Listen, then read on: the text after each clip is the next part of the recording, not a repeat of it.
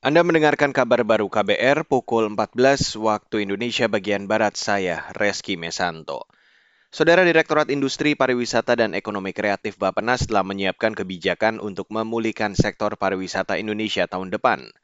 Direktur Industri Pariwisata dan Ekonomi Kreatif Leonardo Teguh Sambodo mengatakan, rancangan kerja pemerintah atau RKP akan berfokus pada transformasi ekonomi yang inklusif dan berkelanjutan ada delapan arah kebijakan yang akan dilaksanakan.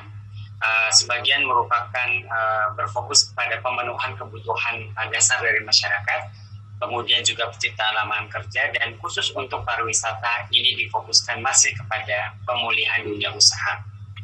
Teguh Sambodo mengatakan, meski pandemi COVID-19 belum berakhir, namun kesadaran akan pentingnya protokol kesehatan dalam kehidupan sehari-hari telah diterapkan masyarakat dalam berwisata.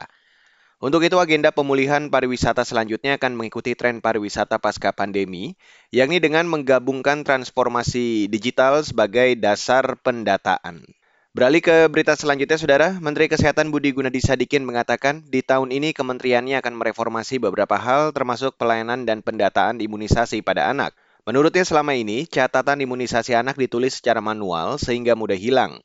Hal itu menyulitkan tim medis melihat rekam medis anak jika berpindah wilayah atau negara. Nah, program kedua yang kita lakukan di pilar transformasi layanan primer ini terkait dengan imunisasi adalah melakukan digitalisasi penuh dari proses imunisasi ini. Sehingga semua anak-anak yang nanti kita lakukan imunisasi akan terekam individunya dan akan memiliki sertifikat vaksinasi elektronik yang disimpan secara digital. Menkes Budi Gunadi menjelaskan beberapa negara sangat konsen dengan rekam medis dan imunisasi pada anak sehingga jika ada masyarakat yang ingin menyekolahkan anaknya ke luar negeri atau berpindah ke luar negeri, data digitalisasi imunisasi akan sangat diperlukan.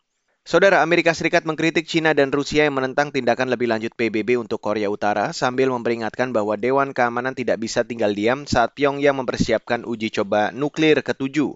Dilansir dari AFP, China dan Rusia mengambil sikap berlawanan dari Amerika Serikat di Dewan Keamanan PBB tentang bagaimana mengurangi ketegangan dengan Korea Utara. Delegasi Washington memperdebatkan lebih banyak sanksi seharusnya dijatuhkan terhadap Pyongyang, sementara Beijing dan Rusia menyerukan pelonggaran.